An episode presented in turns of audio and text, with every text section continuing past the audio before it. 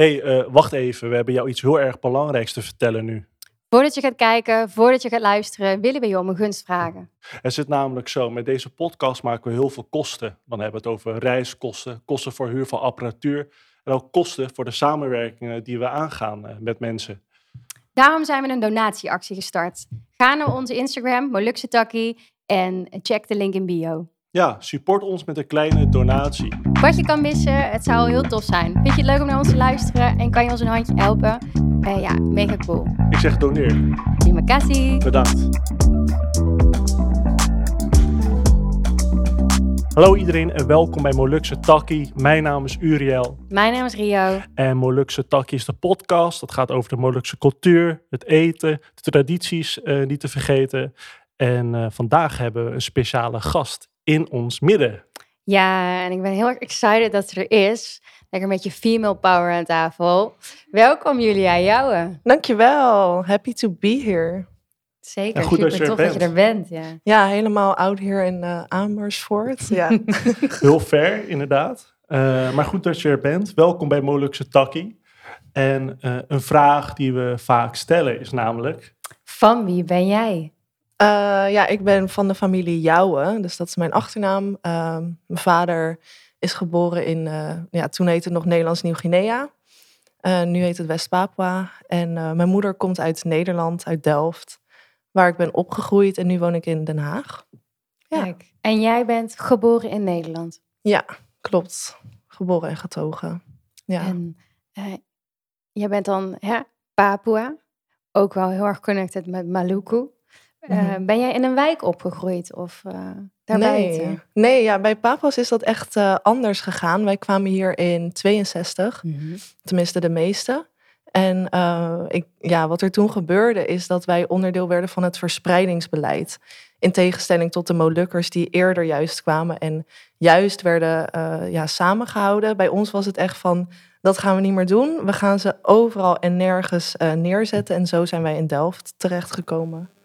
Dus nee, niet in een wijk opgegroeid. Nee. En ook niet dus met heel veel andere Papua's? Uh, nee, klopt. Er was wel een andere Papua-familie in Delft, de Kashepo's. Uh, dus ook een politieke vluchtelingenfamilie. Maar um, nee, verder juist best wel geïntegreerd of zo into de Nederlandse samenleving. Ja. En uh, hoe oud ben je, Julia? 25. 25. Ja. En wat doe je zo in het dagelijks leven? Wat ik nou zo al doe? Um, nou, ik ben afgelopen zomer afgestudeerd van de master journalistiek. Uh, scriptie geschreven over hoe de onafhankelijkheidsoorlog of geschiedenis van West-Papua is geframed vanuit Nederlandse media. Uh, ik ben activist, dus ik ja, vertegenwoordig ook wel de Free West Papua Campaign. Ik heb een jongere organisatie mede opgericht, de Young Papua Collective. Um, en eigenlijk draait alles om, om Papa. Dus ik zet journalistieke projecten op rondom dit soort thema's. Of af en toe word ik eens gevraagd voor een panelgesprek over decolonisatie. En ik ben uh, ja, heel erg politiek betrokken. Ik doe mee uh, met Bijeen, ook meegaan met gemeenteraadsverkiezingen. En uh, ja, nu bezig om verder te gaan binnen de beweging met community building. Ja. Wat gaaf. Dus je laat jezelf echt wel zien en heel ambitieus zo te horen. Ja, het zijn wel veel, veel dingen, maar het zijn allemaal zulke leuke dingen en uh, met name gewoon belangrijk. Ik vind het zo belangrijk dat ik uh, ja, het gevoel heb van, oh, ik wil dit echt heel graag doen. Het is ook niet per se moeten, maar ja, als je toch familie daar nog steeds hebt wonen en je weet wat er allemaal gebeurt, dan kan het bijna niet anders dan dat je van je privileges hier gebruik maakt. Weet je, dat je gewoon uh, je vrije meningsuiting hebt en mm -hmm. je, ja, ik vind dat je dat moet gebruiken. Dus dat doe ik dan ook. En dat zeg je mooi, want het heeft natuurlijk een lange voorgeschiedenis. Ja, want... En, en die draag je ook, hè? Want ik zie daar natuurlijk een, een, een hele mooie ketting. En er staat een naam op. Ja, ja nee, uh, er staat Nicolaas Jou, dus dat is mijn opa. Uh, ik heb die van een heel uh, goed vriendinnetje gekregen voor mijn verjaardag. Ja, nee, mijn opa is echt mijn, mijn inspiratie. Uh, hij was vrijheidsstrijder. Hij heeft de, onze vlag, de Morgenster, ontworpen. En uh, ja, hij heeft heel zijn leven lang zich ingezet voor een onafhankelijk West-Papua. Uiteindelijk is hij zelfs teruggegaan, wat ik zelf heel dapper vind. Uh, en omdat hij daar is gaan wonen, was voor mij um, ja, de afstand korter somehow gemaakt. En de drempel misschien ook verlaagd om eh, er zelf naartoe te gaan. Dus hij ja, woonde uiteindelijk zelf in Jakarta, maar we gingen best wel vaak op bezoek. En op een gegeven moment dacht ik van, ik moet ook. Hmm. En eh, ja, ik heb dat ook nog met hem kunnen delen. Dat ik voor het eerst naar Papua ging. En dat ik tegen hem kon ja, gewoon vertellen wat ik allemaal zag. En hij sprak daar vroeger zo vaak over. En het was altijd heel, best wel mythisch. En als je in een stad leeft, dan denk je echt van... waar heeft die oude man het nou weer over? Wat zei die dan eigenlijk precies? Kan je een paar voorbeelden opnoemen? Ehm, hij had het heel vaak over de schoonheid van de natuur. En over de, de dieren. En ehm, ja, heel veel over de paradijsvogel. Hmm. Eh, dat die heel mooi was en alle manieren waarop ze paringsdansen uitvoerden, weet ik veel wat. Ja. dus hij liet het echt klinken alsof het daar een, een, ja, een paradijs was. En ik kon me er niks bij voorstellen. Eh, totdat ik zelf ging en dus erachter kwam dat er echt geen woord van gelogen was. Hoe oud was je toen je de eerste keer terugging? Eh, volgens mij was ik twintig. Ja, toen ben ik in mijn eentje gegaan. En hoe was dat eigenlijk, jouw eerste keer daar? Ja, eh eh, wortelschieten. Dat was een heel, hele bijzondere sensatie. Eh, en mijn tante die beschrijft dat ook vaker letterlijk alsof je gewoon je wortels voelt schieten. En het is ook een fysieke sensatie dat je voelt van... ik ben op het land van mijn voorouders. En ja, het eerste wat me ook opviel was de enorme eh cycloopberg eh, bij Sentani, Jayapura. Voormalig Hol- Hollandia. En ehm, ja, ik dacht echt van wauw, dit is zo overdonderend, die natuur en de schoonheid. Ehm, ja, en bijzonder om mijn familie voor het eerst te ontmoeten. Hoe werd je onthaald eigenlijk? Ehm, nou ja, ik kwam dus heel vroeg in de ochtend aan. En blijkbaar kwam ik ook een uur te vroeg aan, dus er was nog niemand. Dus ik stond daar nog gewoon even te oriënteren en te, te aarden. Maar eh, het, een van de eerste dingen die me ook opvielen, ehm, eh, was dat mensen pinang kouden. Oh ja. En wat is dat precies? Ja, betelnut, dat is een soort ja, vrucht of zo uit een boom. En dat kan je dan openmaken en dan ga je op die eh, schil kauwen. En dat mix je met een soort eh, kalkpoeder. En dat Ja. wordt dan helemaal rood in je mond. En het effect daarvan is dat je ja, je sterk voelt. Dit is hoe ze het uitleggen aan mij. Volgens mij is het gewoon een natuurlijke versie van coke of zo. ja, een soort koudtabak meets eh Speed. Ja. Pep. Oh, lekker, lekker hoor. Beetje, Nee, ja. beetje. Ja, ja. Ja, nee, en ze zijn er gek op. En dan spugen ze dat af en toe uit. Dus al die prullenbakken zijn ook helemaal rood van de pinang Ja, en ook veel vrouwen doen dat, hè? En dan is- ja, het zit ook in hun mond. Dan denk je, oh, ze hebben helemaal zo'n Ja, rode... rode. gebit gewoon Ja. ervan. Dat doen ze Oh, ook veel eh, gewoon op Maluku, hoor. Ja? Wij hebben nog zo'n oud bakje van eh, oma's Oh, en opa's daar. En dan kon je dat zo eh, sorteren, want het is dus ehm, een blad inderdaad met iets van schil en eh, dat kalk. En dat mix je een soort van samen. Ja. Volgens mij zit er ook nog een soort noot tussen. Ja, En, ik weet niet of je eh, die ook eet. Nee, en dan doen ze dat eigenlijk in, in, de, in, de, in het blad en dan gaan ze het kauwen. ja, toch? Nee, klopt. En het helpt ja. ook tegen pijntjes en zo. Het verdooft een beetje, zoals ze Juist, tandpijn hebben. Want ze gaan er natuurlijk niet zo naar de tandarts zoals wij hier over het algemeen. Ja, dat is ook niet beschikbaar natuurlijk. veel Ja. niet beschikbaar. En het is ook echt wel iets van heel vroeger. Eh, dan, dan kouden ze dat. Ja, en volgens mij is het ook echt een sociaal gebruik. Van nou, nu gaan we even in een kring zitten, pinang eten en verhalen vertellen. Ja. Ja, dus, dus dat. Maar ehm, eh, ja, mijn opa vertelde dat dus onder andere van de natuur. En eh, ja, ook wel de politieke geschiedenis. Maar toen ik klein was, eh, sloeg dat niet heel erg aan. Ook omdat ik gewoon eh, bezig was met eigenlijk hier thuis horen.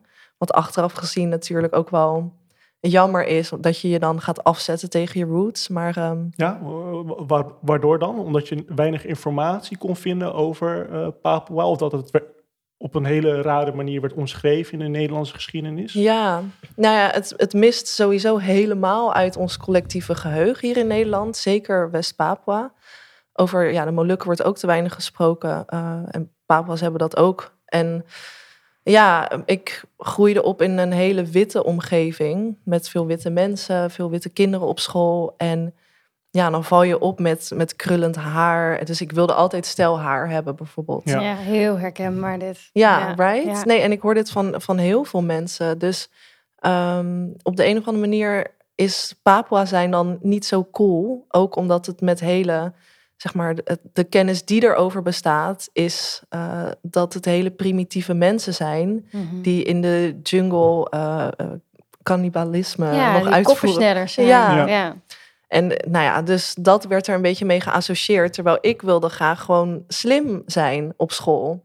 Ehm, en, ja, En erbij horen. en erbij horen. We zijn natuurlijk roedeldieren. Ik denk, ik weet niet hoe jij het hebt ervaren, maar ik, ik herken wel heel veel in jouw verhaal. Ik was ook het enige donkere meisje Ja, in de klas op de basisschool. Of uh, de middelbare school kwam er een ander Molukse meisje bij. En oh ik heb een. Joegoslavische jongen in mijn klas gehad. En een, Pool, dat was dan Wauw, maar gewoon op één hand te tellen.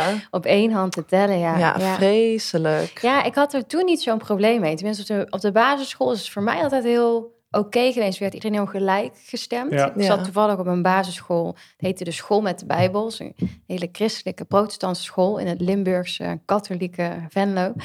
Ehm, maar daar gingen al vanaf tweede generatie Molukkers naar school met de Bijbel. Omdat wij natuurlijk protestants van huis uit zijn. Mm. Dus ehm, onze cultuur was toevallig op die basisschool heel erg geïntegreerd. Ik kreeg Oh ja. ook één keer per week Molukse les. Oh, Oh, dat is ook, Ja. dat is ook wel Dan werden we bijzonder. uit de klas gehaald met de Molukse kindjes. En dan gingen we bij juffrouw Oppie eh, gingen we dan ehm, ook van allerlei liedjes leren. En een beetje woordjes. Oh, En- zo leuk. dus zo hebben we nog wel van alles meegekregen. En dan had ik er daar niet zo'n last van. Ja, Ook omdat de andere kinderen het ook... Je bent nog klein, dus je ziet het ook niet. Nee, kinderen kijken niet in kleur. Maar ja. in de- vanaf de middelbare school wordt het ineens heel duidelijk. Dan is nog Ja, iets anders, ja, ja. hè? Ja. Dan eh, word je daar wel mee geconfronteerd of zo. Ja, eh. dan was het, oh ja, maar jij bent anders. Of, Ik, ik, ik was sowieso op de middelbare school nogal een lone wolf. Eh, maar ik zat ook op een, ja, een witte school. De vrije Wij zaten school. op de vrije school Oh ja, allebei. Vrije school. Oh, allebei? Pinky Trust. Hey. Hey. Kennen jullie elkaar ook van de middelbare school? Nee, we kwamen daar ineens achter en toen was Ja, het, klopt. oh my god. was bij onze eerste eh, gesprek. Toen, Ja. eh, want we kenden elkaar via eh Molux kwartiertje. Ja. Toen hadden we Oh ja. gesproken en ik had ook een keer gezegd eh, in Molux kwartiertje... als iemand wilt langskomen, ik heb spekkoek op kantoor. En Ja. ik was daar next day. Nee. Zij was daar, zij was gelijk daar. En, eh, en toen, en Ja. toen hadden we eh, heel lang gesproken. En eh, toen kreeg je ook spekkoek van mij. Maar toen had je verteld dat je inderdaad op de vrije school eh, had gezeten. En het onderwijs wat we, wat we krijgen op de vrije school is vrij, Bijzonder. vrij apart. Ja, Rudolf Steiner, dat is... Ja, nee, hij was ja. wel echt een racist, maar Echt, ehm? Ja, heel erg. Laten we dat wel melden. Maar verder was het leuk dat we heel veel creatieve vakken hadden, vond Ja, ik. Heel zeker. veel toneel en verven, schilderen, boetseren, houtbewerking, Houtbewerking. Ja. Al die dingen. Dus ja, en eurythmie. Ik wou net Ja. zeggen, dat is dus het enige. Ik heb niet op de vrije school gezeten, maar, Maar ja, mijn vader was percussieleraar. En eh, dat vinden ze natuurlijk op zo'n type school heel leuk. Dan gaf hij heel vaak djembe-workshops. Dat Oh, deed ja. hij ook op ander regulier onderwijs. Maar ja, vrije school is meer Mhm. into dat, toch? ja heel Dus, erg. Ja, ik ben wel eens mee geweest en kwam wel vaker met verhalen. en eurythmie. Zo. Kunnen jullie eventjes, even een kleine sidestep, eurythmie? Ja, Vertel. Ja, nou, nou, ten eerste, als je eurythmie gaat doen, heb je eurythmie schoenen nodig. Oh ja. En dat zijn een soort Wat? van balletschoentjes eigenlijk. Oké. En eh, je wordt altijd begeleid onder eh, klassieke muziek.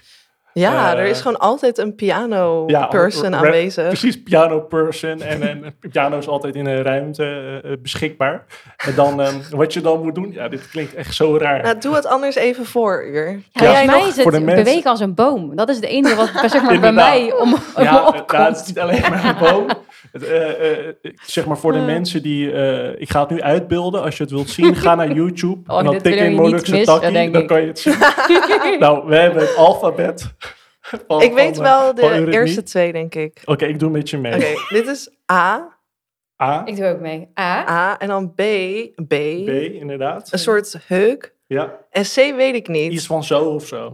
Oh, ik weet wel dat dit is de R. En, en dit is geloof ik de X. Dat doe ik denk En dan- aan een exhibit. Wakanda. Wakanda. Oké.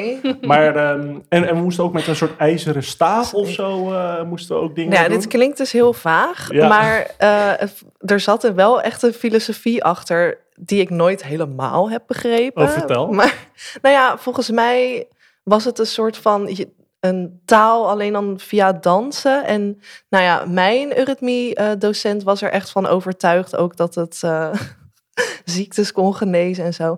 Ik, Oké. Nee, dus het gaat heel diep. Ja. Ehm, maar het is een soort dans slash beweging, taal.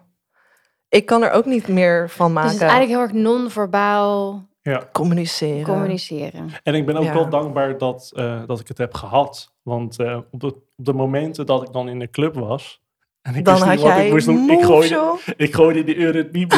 Je gewoon uren iedereen dacht van, wat is die jongen aan het doen? Wauw, wauw, ik weet niet. Ik, Jullie eh, hadden eigenlijk gewoon een soort secret taal op de Ja. club dancevloer. Elke gewoon. dance afgewonnen. Snap je, snap je, zo doen we die dingen. Nee, maar de Eurythmie eh, en, en, en de vrije school, dat is toch wel, ehm, wel bijzonder onderwijs. En, eh, en ik kan het ook wel mensen aanraden.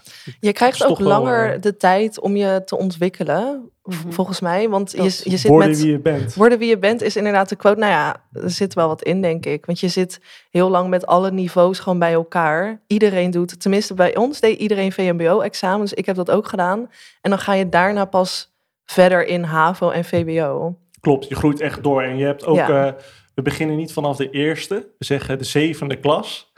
En daarna de achtste, negende, Ja. tiende, elfde en twaalfde. Dus onze telling was ook Ja. altijd al af. En ik, ik merk altijd aan mensen wel dat ze vrije school hebben gedaan. Ik denk omdat we al deze... Ja, ik herken ze ook Right? altijd. Een Ja. beetje open-minded, maar ook omdat we altijd de buitenbeentjes waren. Van met die klassentelling, dat klopte niet. Van ik zit in klas 7 en dan zat iedereen van waar heb je het over? Ja. Ja. Heel apart weer. En ook Ja. met eurythmie. Dus ik denk dat het altijd goed is als mensen een ervaring hebben gehad van dat je ergens de outgroup van bent. Dat, daar leer je gewoon wat van, denk ik. Toch? Ja, absoluut. En, en ik denk dat ook vooral met sociale omgangsregels. Ik gaf de docent altijd, ik weet niet of dat ook bij jou was, gaf ik altijd een hand. Ja. Voordat de les begon. En als de les was afgelopen, gaf ik hem nog een keer een hand. ja, het was heel veel eh, interactie. Ja, ja oh my god, en we hadden een spreuk. Die gaan we niet helemaal zeggen. Nee, dat gaan we niet doen. Want dat eigenlijk achteraf gezien ook wel echt creepy. Dan moesten we allemaal achter onze stoel gaan staan. Mhm. En tegelijk een bepaalde spreuk opzeggen. Ja, ik zie rond in de wereld. Ja, waarin de sterren fonkelen. Nou, alle Ja, dieren. we, we, en- hebben, we hebben wel samen gedaan. we hebben hem samen al gedaan, dus we gaan het niet herhalen. daarbij laten, toch? ik vind dat wel een goede Ja. ja. Ja, Het maar op klinkt, zich is het een soort, klinkt als een soort affirmatie Ja. en een, eh, een soort blik naar de wereld waarin je het onderdeel bent en waar Ja. je dingen ziet voor wie ze zijn, want je mag worden Ja. wie je bent. En dat vind ik wel een hele mooie gedachte daarachter. Nee, dus dat was heel mooi. Zeker, heel, Ja. heel bijzonder ook. Hey, en Heel als we nu even teruggrijpen naar eh, waar we hier vandaag over praten, wat, wat voor invloed heeft dit gehad op jouw ontwikkeling en uiteindelijk toch het activisme? En, Mhm. De Ja. vrije school daarin? ja, ik denk toch wel dat het altijd wel een beetje links ge- aan geëngageerd is. Ja, nee, zeker. Ehm, ja, ik denk, kijk, aan de ene kant, de positieve dingen die ik ervan meeneem, is bijvoorbeeld dat we heel veel toneel hebben gedaan. Dus het was voor mij, nu ik zoveel op de voorgrond inderdaad sta, is het niet vreemd, omdat ik dat daar ook al heb geleerd. Veel voordragen. Veel Ja. voordragen en het is ook allemaal niet raar. Je hoeft je niet te schamen en zo. Dus daar ben ik echt wel heel blij mee. Maar omdat het ook een hele witte school is en toch ook wel een beetje elitair. Ook al, ook al klinkt het allemaal cozy en Zeker. kunstzinnig. Het was echt wel wit en elitair. En ik denk dat ik, eh, als ik het dan voor mezelf spreek, ik voelde me ook best wel buitengesloten af en toe. En ik heb nog steeds hele goede vrienden ook vandaar.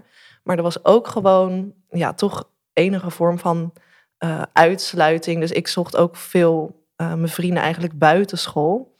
Ehm, dus dat heeft uiteindelijk ook voor gezorgd dat ik weer bepaalde counter-narratives of zo ontdekte. Want ehm, mijn vrienden van school, die vonden het meestal niet echt cool als ik hip-hop luisterde. Of eigenlijk gewoon zwarte, zwarte muziek. Ja, er werd toch een beetje... Zeiden ze dat dan? Nee, er werd heel grappend over gedaan. Zo van, oh, gangstermuziek en zo. En niet echt niet echt het serieus nemen of het zien voor wat het is of in context plaatsen.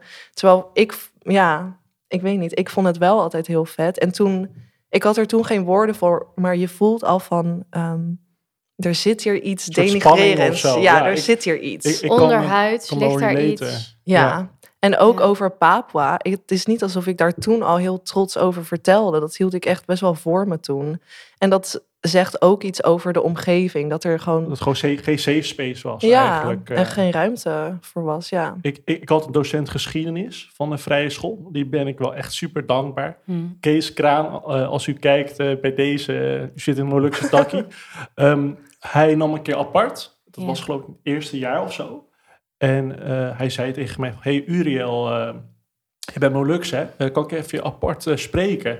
En hij ging gewoon met mij de Molukse geschiedenis eh, doornemen. En gewoon Oh my god. daarover praten. eh, en vertellen waarom dat zo belangrijk is. Omdat dat niet in de schoolboeken stond. Wow. En dat was echt heel apart. Dat hij dat gewoon deed. Maar dat had zo'n eh, indruk op mij gemaakt. ja. Ja. Dat hij eh, dat eh, expres voor mij had gedaan. Was ook tijdens een pauze of zo. Dat hij me gewoon ja, naar me toe kwam en zei... Hey, Uriel, kan ik je even spreken? Oh my god. Dus dat, dat vind ik ook wel bijzonder. Dat is ook wel Dat is iets- echt een uitzondering ook. Ja, ja. Heel super. bijzonder. Wauw. Ik heb ook mijn, eh, hoe noem je dat ook weer? Ja, jullie hebben dat misschien dan weer niet gedaan. Op regulier onderwijs moet je altijd een soort afstudeeronderzoek eh, doen eh, aan het einde van je VWO. Oh. Ik kom niet op het woord. We hadden een eindpresentatie. Oh, je- je, hmm, Profielwerkstuk. Oh ja, Profielwerkstuk. Ja. Dat was hem. Sorry, het is lang geleden. Ik ben heel hard mijn best aan het doen om heel jong te lijken, maar het is dus niet zo. Can't keep up. Nee, Ja, grapje. couldn't keep up. Eh, dat heb ik ook over de Molukken gedaan. Oh, Oh. Ja, toen ben ik er ook aan het geschiedenis. Ik had een CNM-profiel. Mhm. En hoe werd erop eh, gereageerd, op die presentatie? Ja, werd, werd ik ook heel vrij in gelaten. Want ik eh, ben dan in Venlo-Zuid naar de middelbare school gegaan. College Den Hulster. En eh, de Molukse wijk ligt precies daaraan. Mm. Dus zij zijn ook al vanaf tweede generatie heel erg gewend aan Molukkers. En dat die veel in school deden. En, eh, nou ja, dus letterlijk de straat waar je doorheen fietst voordat je het hek doorrijdt. Dat is gewoon de Molukse wijk. Dus er zit best wel veel verbinding. eh, Herken je dat ook ja. aan de lantaarnpalen, zo'n vlaggetje of zo? Of was dat er toen niet, met thee? Nee, dat was er Dat toen ze niet. dan, eh, nee, Oh. nee, Ja. nee. Maar je kon wel gewoon echt eh, drie meter verderop... dan had je gewoon die garagebox aan de achterkant, weet je Oh, wel. ja. Waar je voetbalde en waar je op kon zitten in de zomer. En waar iedereen was. je kon gewoon wandelen naar het huis van opa en oma. Dat was... eh, ja, Zo dat was leuk. gewoon zo. Ja. Vet. En, en als we even teruggaan naar eh Papua, eh, Young Papua Hmm. Collective ook. Hè? Dat, dat is ook ontstaan, als ik het goed zeg, na het overlijden van jouw opa. Ja. Kan je daar Ja. wat meer over vertellen? Van, Ja, nee, ja, sowieso heel mijn journey begon in 2017 toen ik voor het eerst ging. En toen heb ik dat gedeeld met mijn opa. Maar echt een paar maanden daarna is hij overleden. Dus toen ging ik weer terug. Ehm, en hoe ik zeg maar die eerste reis had gezien dat al zijn verhalen over de natuur waar waren, zag ik bij die tweede reis eh, voor zijn begrafenis dat alle verhalen over hem waar waren. En dat hij echt best wel een vet persoon is die veel heeft betekend voor heel veel mensen. Ehm, en dat zette me echt aan het denken. En toen dacht ik, wow, ik moet echt ook als next generation een, een stapje vooruit doen. Ehm, en ik miste in Nederland heel erg het gevoel van een community vibe. Of die community care en liefde die je in Papua en de Molukken waarschijnlijk ook echt voelt. En dat heb ik hier nooit echt op die manier meegemaakt. Echt dat onvoorwaardelijke liefde. En je hoeft niet eh, een bepaalde baan te hebben om onze liefde waard te zijn. Weet je, je bent gewoon. Hoe jij- Familie. Ja, Eigenlijk de familieband, Precies. de gandong, zoals wij Ja. dat noemen. ja. En dan echt op een ja, hele mooie manier. En ik wilde dat eigenlijk vooral weer teweeg brengen hier in Nederland. Of meenemen eigenlijk. En dat doe je niet in je eentje, toch? Dat doe je samen Nee. met iemand. Ja, Samuel van Voorn. Ja, en inmiddels ook wel meer mensen. Hapin, eh die stichting Hapin helpt ons. Ehm, en voor US Papua Campaign werken we ook mee samen. En Ehm, wat doen jullie zo wel? Wat doen wij zoal? Mm, nou, het is vooral gericht op, ja, dus samenbrengen. Mensen letterlijk in een ruimte met elkaar zetten. Dat is al heel belangrijk. Maar ook om ze iets mee te geven. Dus eh, educatie over de geschiedenis. ehm, en iets wat we recentelijk ehm, vooral willen, daarop willen focussen is eh, talentontwikkeling. Omdat heel veel jongeren iets willen doen, iets willen bijdragen, maar ze weten niet hoe. Mhm. Dus voor mij is het, ik spreek er graag over of ik schrijf erover, maar dat is een soort van eh, hoe ik het verhaal denk ik kan vertellen. Maar andere mensen kunnen het ook dansend of zingend of rappend, weet ik veel wat, op een andere manier of door te koken. Ehm, Want is er iets Ja. wat echt typisch Papua's is qua eten? Ja, ook papeda. Ook papeda. Hey. Ja, nee, Ja. sowieso. Ik moet eerlijk toegeven dat ik dat niet lus. Stilte. Ik probeer... Ja, nee, je We, weet... we nee, verzinnen wacht. wel iets. Met satésaus. Maar- met satésaus. Nee, Maar altijd- Pinang. Genoeg pinang en al het. Nee, maar ik probeer het altijd als het er is. Ik eet het out of respect. Mhm. Want ik wil het zo graag lekker vinden. Maar het, Oh, telkens is het van... Nee, Ja, het hoeft toch niet? nee. Maar kan toch. maar Ja. oké, en wat anders. Ikan bakkar. Ehm, Ja. Gegrilde vis. Ja, dat vind ik heel lekker. Mhm. Ja, vis. Mijn familie is echt een eh, vissersfamilie ook. Dus ja. En heb je, toen je daar was, hè, moest je ook bepaalde Ja. rituelen nog ook ondergaan? Je, eh, en, Nice. Ja, Chill, ja. Ehm, nee, omdat nu je... komt het. gooi die gewoon erin. Ja. gewoon. Nee, maar omdat um, Molukkers weten natuurlijk van als je dan komt, dan gaat er, moet je dingen doen. Nou, oké, dus ik kwam aan in ons ehm, huis en toen moest ik in een schaal gaan staan met mijn blote voet. En daarna moest ik die schaal ook mee naar huis nemen. Ik weet niet zelf wat het betekende, maar mijn moeder en eh, de rest moest het ook doen toen ze voor het eerst kwamen. Maar ik heb eigenlijk vooral heel veel rituelen gezien toen mijn opa werd begraven.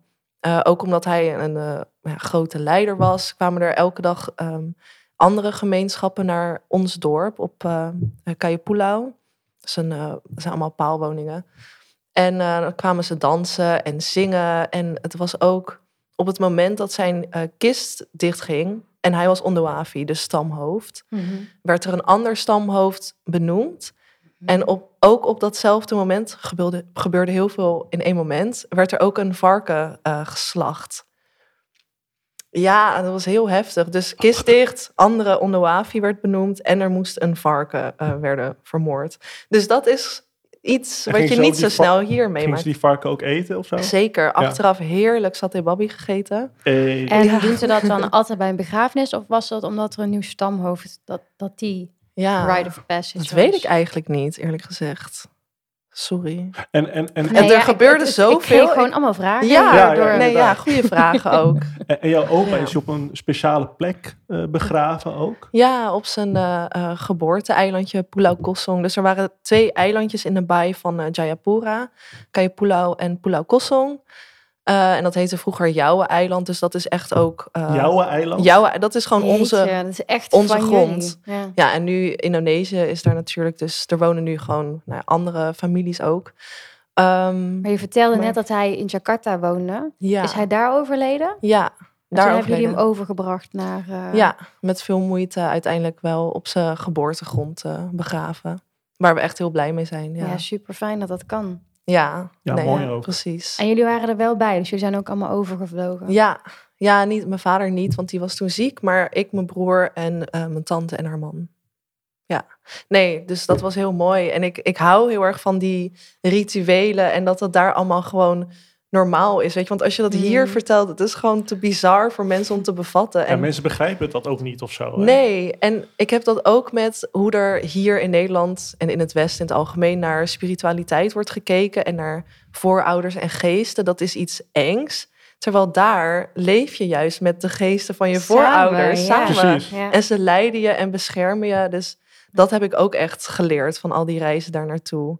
En eh, ja, ik heb heel erg het gevoel alsof mijn opa me ook helpt in mijn activisme en alsof hij me eh, begeleidt. Ja, moet wel toch? Dat, eh, Ja, nee, wij hebben het toch ook altijd over voorouders trots maken. Zeker, Ja, zeker. dat is ja. Gaaf. Mooi, mooi om dat zo te zeggen. En qua taal, want je bent dus voor de eerste keer alleen geweest. Dus ik- ja, ik neem aan dat je dan best wel goed... eh, wat spreek jij dan? Engels. Engels? ik kan niet eh Bahasa. Nee. Nee? Sedikit, sedikit. Maaf, maaf. Maar- Ja, En op Papua dan, spreken ze daar? En eh, wat is het dialect wat jullie spreken? Eh, je hebt ook wel Bahasa Kayapulau. En dat sprak mijn opa met eh, zijn zus toen hij naar Nederland was verhuisd. En dan kon de, de intelligence kon niet meeluisteren op die manier. Maar ja, al die inheemse talen dat er in, die er in West-Papua meer dan 250 zijn... die raken allemaal wel een beetje... In Provo, hè? Ja, omdat iedereen moet Indonesisch praten op school. Ja. Dus dat, ja, zo gaat dat. Ja.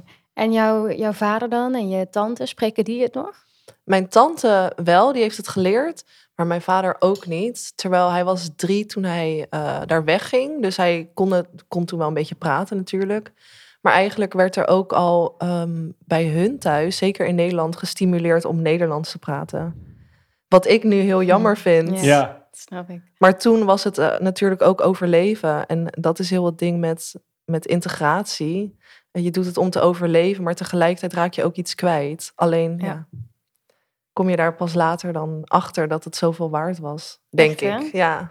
Ja, ik denk dat we dat ook al allemaal hebben. Ik Ja. spreek ook niet zo goed. eh, ik kan wel een beetje Malayo, maar niet... eh, ja, mijn, mijn vocabulaire is heel erg eh, minimaal, vind ik zelf. same. Voor mij ook. Ik, ik denk dat ik het, eh, ik heb het al eerder gezegd. Ik heb een keer in een vliegtuig eh, woordenlijst eh, even Ja. snel Ja, ja, genomen. ja, ja. Vooral van waar is het toilet, zeg Ja. maar. Dat ik had het ook graag belangrijk. thuis wel meer geleerd. Mijn vader spreekt het wel. En mijn moeder Mm. trouwens ook. Mijn moeder is Nederlands, maar ze spreekt wel eh, goed Maleis. Oh, Zij is gewoon op les gegaan. Dat ze heel graag met mijn opa wilde Oh. kunnen converseren. Eh, maar thuis is dat niet zo eh, gedaan. Toch belangrijk om hier te integreren en, eh, en Nederlands dan te kunnen. Ja. Achteraf ja, had ik het wel graag anders gezien. Ik hoop ook nog altijd wel op les te gaan. Zou jij dat ook willen? Ja, heel Ik graag. Ja? Ook. Super graag. Want ik denk ook, dat ik studeerde journalistiek en ik zie taal zegt ook zoveel. En Zoveel. over cultuur ook. Ja. Dus het- daarom wil ik ook de, de taal leren om meer van de cultuur te begrijpen. Want dat zit ook echt in taal. En dat is denk ik ook wel een beetje ontstaan bij de vrije school hoor. Want wij gingen daar debatteren. En ik vind debatteren heel leuk. Mhm. Eh, ben ik ook tijdens de bijeencampagne achtergekomen. Maar je kan bij debatten kan je altijd voor en tegen debatteren. Ja. Dat vond ik dus zo lijp om te bedenken. Ik moest een keer tegen klimaatverandering, zo van het bestaat niet, debatteren. En dat ging heel goed. Ja. Oh, wat, wat, nee, maar ik, ik geloof erin. Like, Ja. climate change is real, y'all. Maar je kan gewoon met taal dingen zo framen en twisten Mhm. dat het anders klinkt. En dat maakt taal ook heel machtig. Dat vind ik ook Taal interessant is eraan. heel machtig. ja. Daarom is het denk ik ook zo belangrijk dat er een bepaald behoud is. En dat we dingen ja. weer terug laten komen. Net zoals we nu in Nieuw-Zeeland alles weer opnieuw namen zijn aan het geven. Wat het eigenlijk Ja. was, je, je herstelt iets in ere. Juist. Ik geloof er niet in eh, dat je geschiedenis kan uitwissen. Alles wat er tot nu toe is gebeurd, en ook in de afgelopen 72 jaar voor Molukkers en Papua's, dat hoort erbij. ja, Ik, eh, ik sta niet achter het ideaal van dat moet allemaal terug naar zoals het was. Want dat gaat niet. Maar je kan wel dingen in ere herstellen en de internalisatie van die kolonisatie, vooral in taal, eruit halen. juist. Zoals we hier Benoemen. in Nederland... Ja, benoemen. En Ja. wij praten hier... Ik probeer de laatste jaren steeds duidelijker te zijn over... niet meer over blank te praten, maar over wit. Oh, Ja. fijn. Ja. Want dat, is, dat maakt zo'n verschil, die twee woorden. Ja, maar wat maakt het nou uit? Dat dacht Ja. ik vroeger ook, maar het maakt heel veel uit. Ik ga stuk. Ik heb echt letterlijk hier ook eens een TikTok-filmpje over gemaakt. Oh, en ik krijg zoveel reacties van: ik ben niet wit, ik ben blank. En dan denk ik: oh, schat, het is zo koloniaal wat je nu Ja, doet. Zo niet, koloniaal, ja. ja. Dus even voor eh, Ja, jij context, right? Op, nee, ja. Opnieuw je TikTok. nee, oh my god, nee. Nee, nee, nee. nee. Eh, maar blank, een dat, dansje bij. Blank is eh, ontstaan op het moment dat eigenlijk eh, colonizers naar andere landen vertrokken en daar mensen zagen van een andere kleur. En toen moesten zij hun eigen huidskleur een naam geven en dat werd blank. Als in een blank vel, iets wat puur en rein is, Ja. onbeschreven, tabula rasa. Dus Schoon. Tabula schoon. rasa, ja, omschreven blad, ja. ja, dat. En alles wat niet blank is, dat is dus automatisch ook een beetje dus vies. Juist. En niet rein en niet puur. Ja. Dus daarom is dat woord problematisch, dus gebruik het niet meer. Of, of ze zeggen ook vaak eh halfbloed, eh, terwijl het Ja. eigenlijk dubbelbloed is. Je bent niet hal- half. halfvolle melk. ben Nee. geen taart, ja. Nee, precies. Nee, ja, dat. Of bijvoorbeeld dat eh, Indonesië ons eh, narratief heel strak eh, onder controle houdt door het te hebben over separatisten in plaats van onafhankelijkheidsstrijders. Ja. Want in het woord separatisme zit ook eh, in opgesloten dat Indonesië de rechtmatige eigenaar is van ons land en dat wij ons willen afscheiden, ons willen separaten. Maar dat, zo is het niet. Nee. Wij hebben het recht op zelfbeschikking en dan, wij willen onafhankelijkheid. Dus ja, ik vind dat heel interessant, woorden en de taal en hoe dat ook is verbonden dus aan macht. Ja, Ik vind het bijzonder dat je ook, zeg maar, je opa ook een beetje als voorbeeld hebt. Ehm, ik heb uh, twee documentaires gekeken. Uh, Gisteren. Gisteravond, uh, op mijn verjaardag. Damn, ja.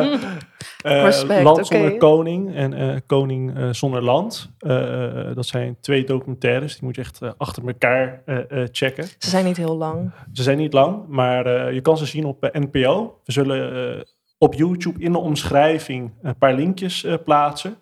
Um, wat ik wel bijzonder vond, uh, was uh, aan jouw opa, uh, dat zag ik in die documentaire, was dat hij ook heel vaak naar het nieuws keek. En, um, en vooral ook... ook heel veel Telcel, maar go on. Telcel, oké, okay, dat, dat stukje hebben ze eruit geknipt. maar um, vooral zijn woordkeuze. Je, je, merkt echt dat, dat het gewoon een super intelligente man is, wel bespraakt en ook heel erg ja, hij praat echt als, als iemand uh, die in de politiek uh, zit. Ja, ja, ja. En dat vond ik toch wel heel bijzonder om te zien.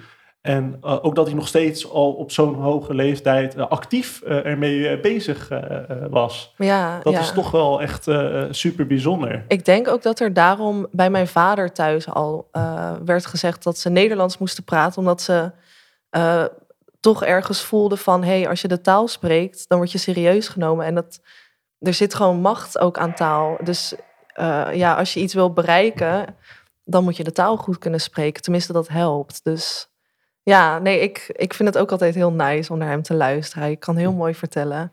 Super gaaf ja. om te zien hoe jij ja, dat stokje over hebt genomen van je opa. Dat je nu ook weer activist bent en je journalist bent. Ja. Want daar heb je natuurlijk ook je master in gehaald.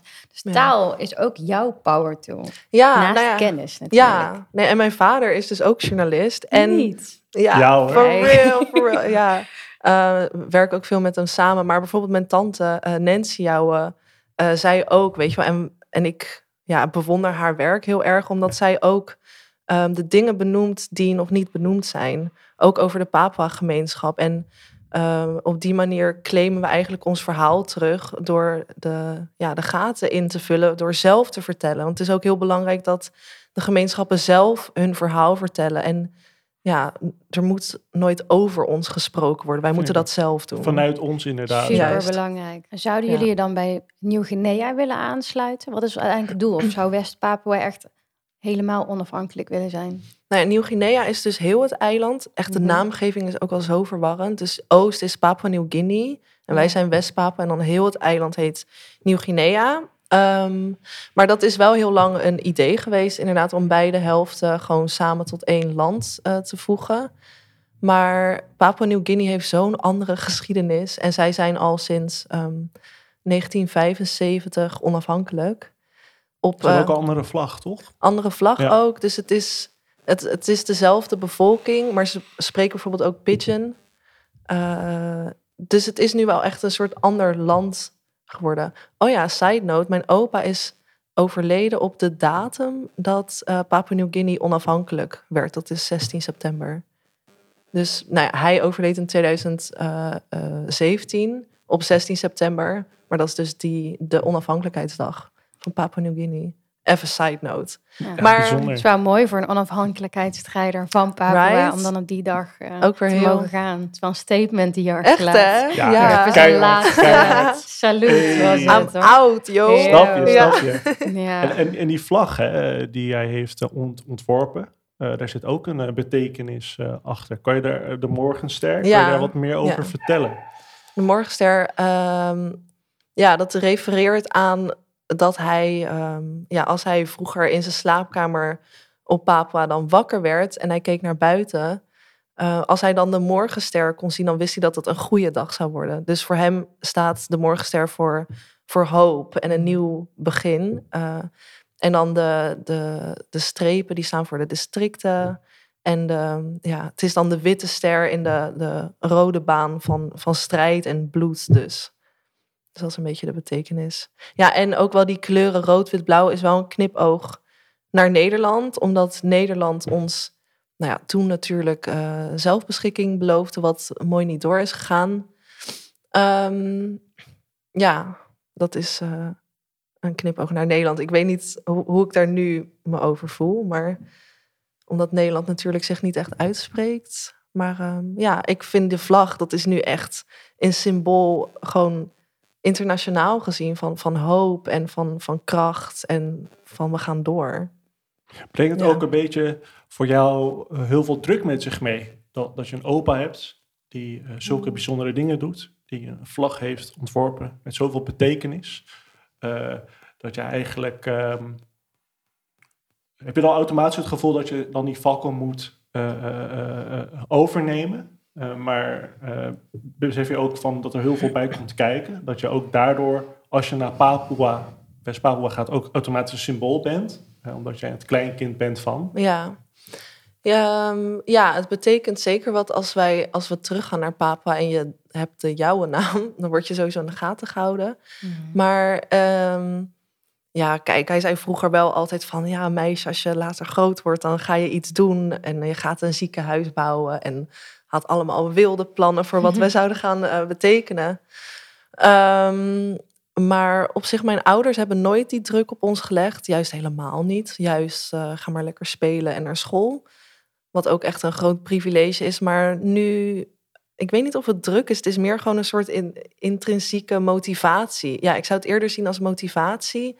En ook als van, maar als hij het kan, kan ik het ook.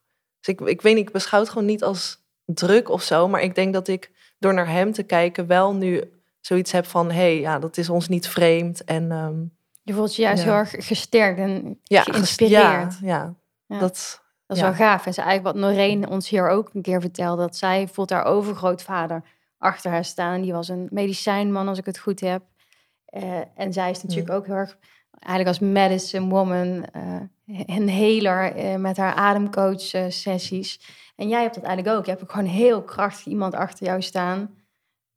En he leads Ja. the way. Dat is meer misschien Ja, hoe het voelt. ja klopt. Ja. Nee, het is, het is echt geen druk geweest. Het is echt inderdaad intuïtief gewoon mijn gevoel gevolgd. En eh, nu zijn we hier.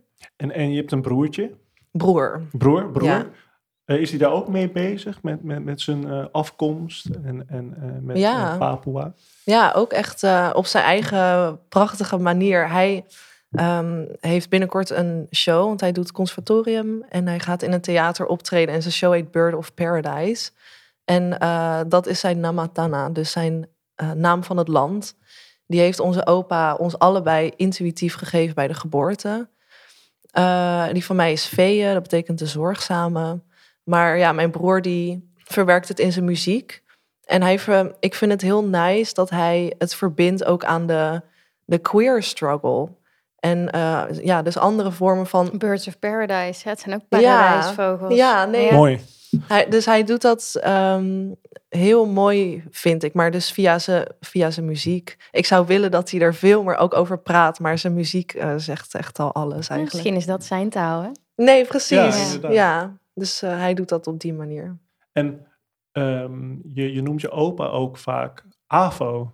Ja, dat Kun je is, daar wat meer... Ja, dat is gewoon opa, Dat is gewoon in, in Bahasa Kayapulauw. Hebben jullie namen voor opa's en oma's? Die van mij heten allemaal anders vroeger namelijk. Nee, dat is dezelfde Ja, naam ja. voor mijn opa en oma. Ja. Maar dat is echt zo'n binnenshuis. Kijk, ik was heel klein eh, en mijn ouders hadden een restaurant. En mijn oma, mijn oma is overigens Javaans, die, eh, die werkte daar samen met mijn vader in de keuken. Zij was de opperchef, zeg maar. Mhm. En ehm, ik was als kleinkind, eh, ik kon heel vroeg praten en ik was gek van Bami. Dus vanaf mijn eerste woord was aardbei. en daarna waarschijnlijk Bami. Dus eh, mijn opa en oma noemde ik opa en oma Bami. Oh my god. En ik was heel erg op eten gericht, als kind nog steeds. Het is eigenlijk een wonder dat ik geen 100 kilo weeg. Maar eh, mijn Nederlandse opa en oma, die noem ik dus opa en oma Appel. die heet helemaal niet Appel. appel. Heel erg Ja, want ik was gewoon heel erg food-minded. Dus I like that. ja, dat, appreciate ja, that. Het is geen Bahasatana-achtige naam, maar dat, dat zijn mijn eigen namen voor mijn opa's en oma's. Ja. Oh, nice. En bij En jou? jij? Nee, ik, nee, ik had dat gewoon niet. Ik noem mijn opa en oma gewoon bij hun naam. Opa Nani en eh, oma eh, Palang. Oh, Eh, ja. Dus eh, ik weet niet beter dat ik dat op die manier eh, uitsprak. Oh ja. Ehm, en ik had ook nooit met mijn opa en oma, of die gesprekken werden ook niet thuis gevoerd over de onafhankelijkheidsstrijd van Maluku.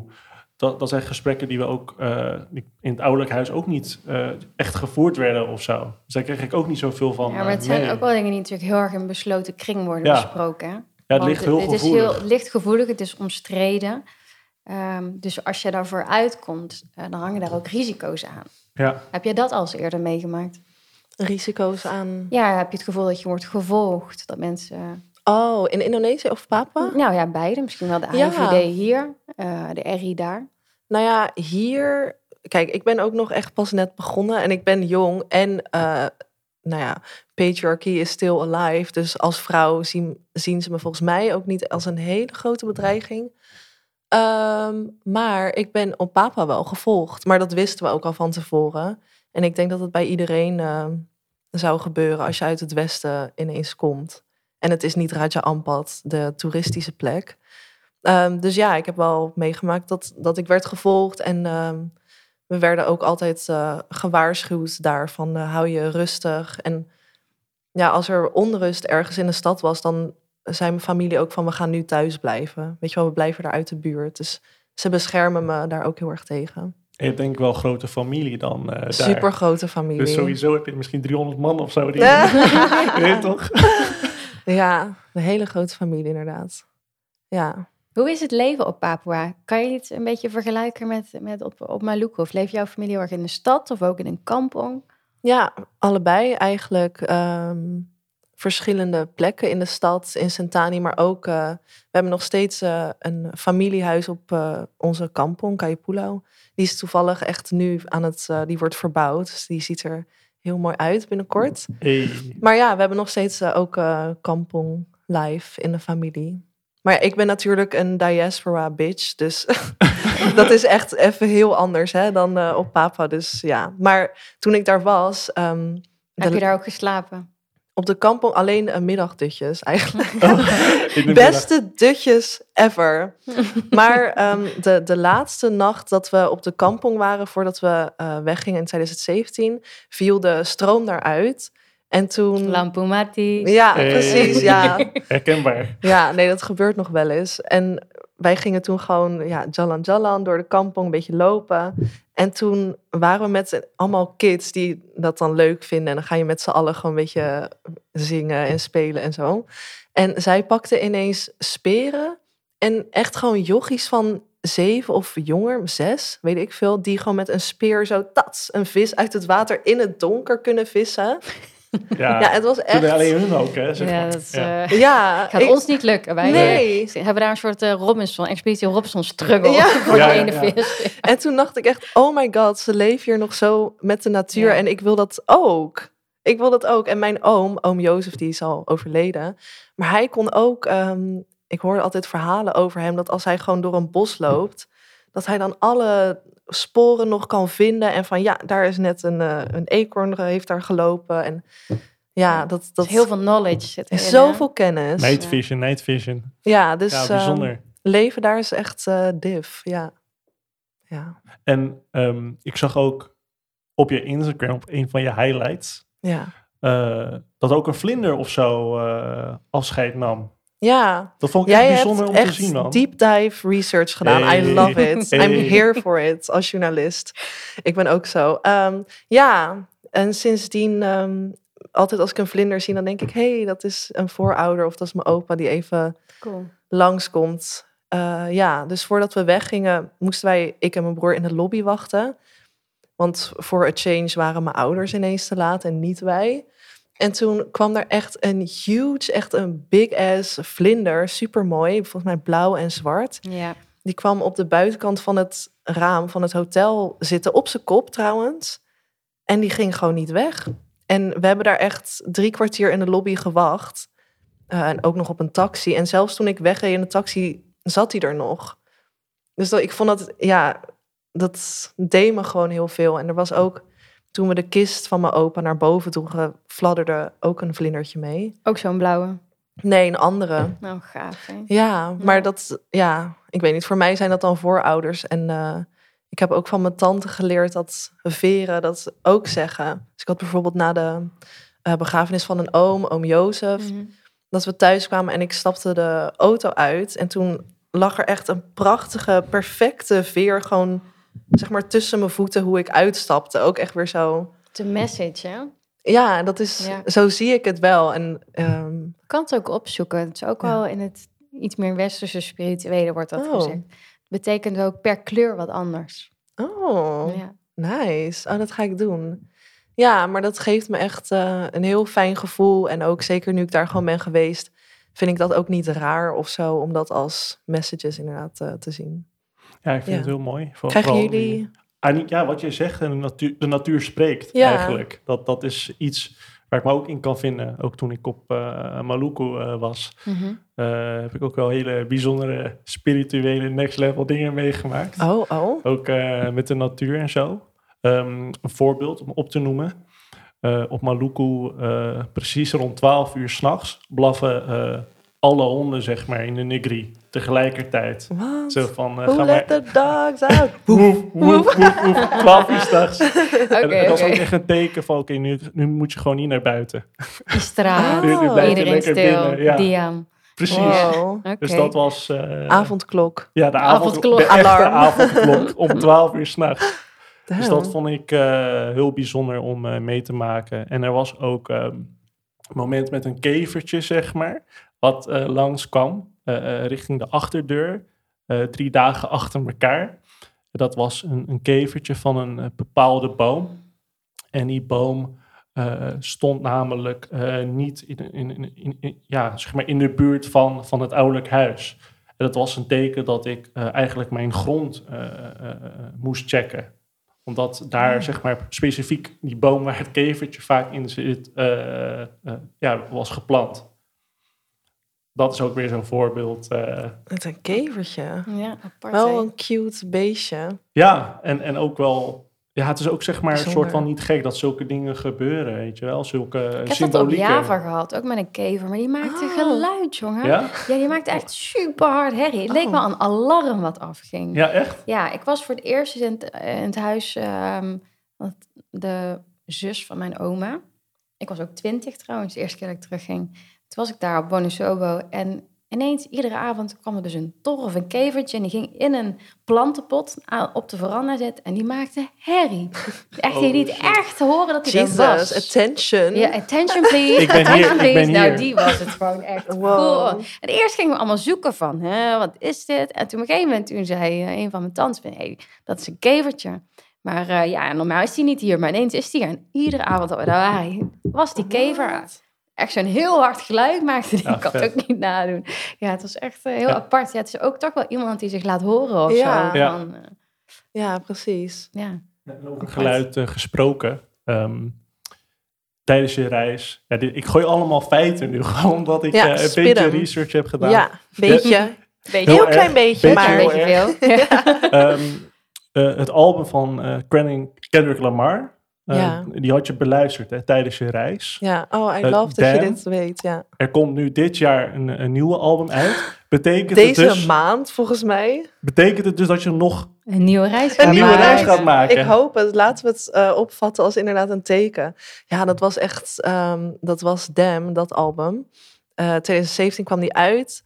En ik helemaal, wow, oh my god. Ik had hem offline gezet. Eh, en dat was maar goed ook. Want ik had voor de rest van de reis echt zo crappy Geen wifi. wifi. En Geen wifi Nee. in de club. internet. ja. Nou ja, en ik had dus gelukkig wel dat album offline staan. Dus ik heb die, nou ja, dus ehm eh, grijs gedraaid, alleen dan op mijn mobiel. En ehm, ja, maar wat er in dat album allemaal wordt besproken, dat resoneerde ook helemaal met mijn soort van mentale, spirituele journey daar. En eh, ja, dat, ik vond dat echt een fijne companion, want ik reisde dus alleen, maar ik had wel een soort van dat album. Ja, En nu komt er album 2. Ja. Dus dat betekent dus dat betekent Het betekent iets. iets. dat jij misschien, mogelijk, Het kevertje. Kendrick. Ja.